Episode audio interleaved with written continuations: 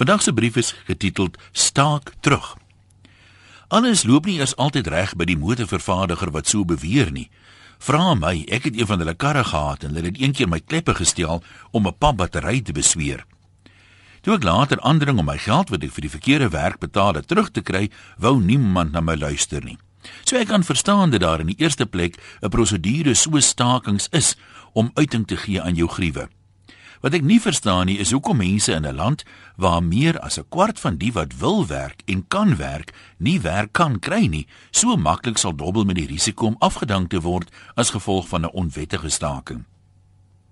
As ek dreig om 'n ander kar te koop as hulle my nie afslag wil gee nie, is die antwoord gewoonlik dat daar 'n waglys is. En as jy hierdie een nie vat nie, meneer, as die volgende ou dit môre met plesier doen.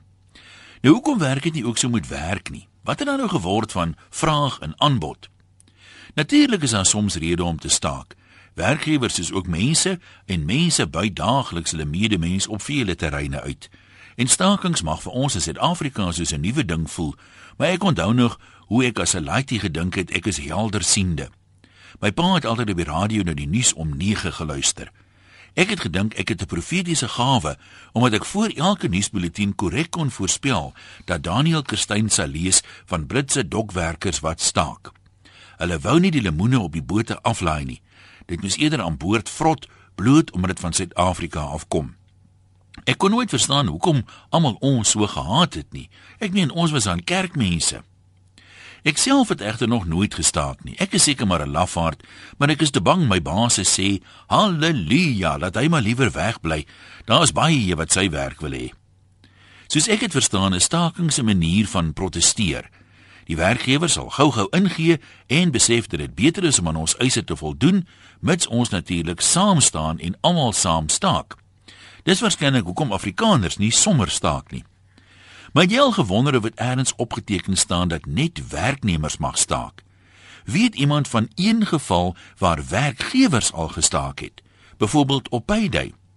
Sien nou nie die bestuurders van die maatskappy weier om hy paycheckies te oorhandig en hulle swaai eerder plakate rond waarop goed staan soos minder ure op die toilet, geen meer laatkommery, min werk, min betaling en iets soos fat cat workers, haal produksietekens of f of.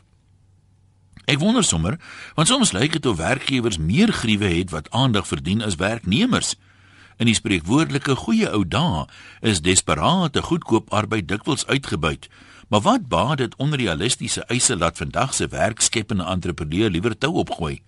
Het iemand al ooit wakker geskrik en gesê: "Jippie, hulle het aan ons eise voldoen." Net jammer die besigheid het nou sy gat gesien en toegemaak. Dis seker wat hulle in Engels 'n hollow victory noem. Die Afrikaans beskryf dit eintlik beter: 'n hol oorwinning. Groete van oor tot oor, anoniem.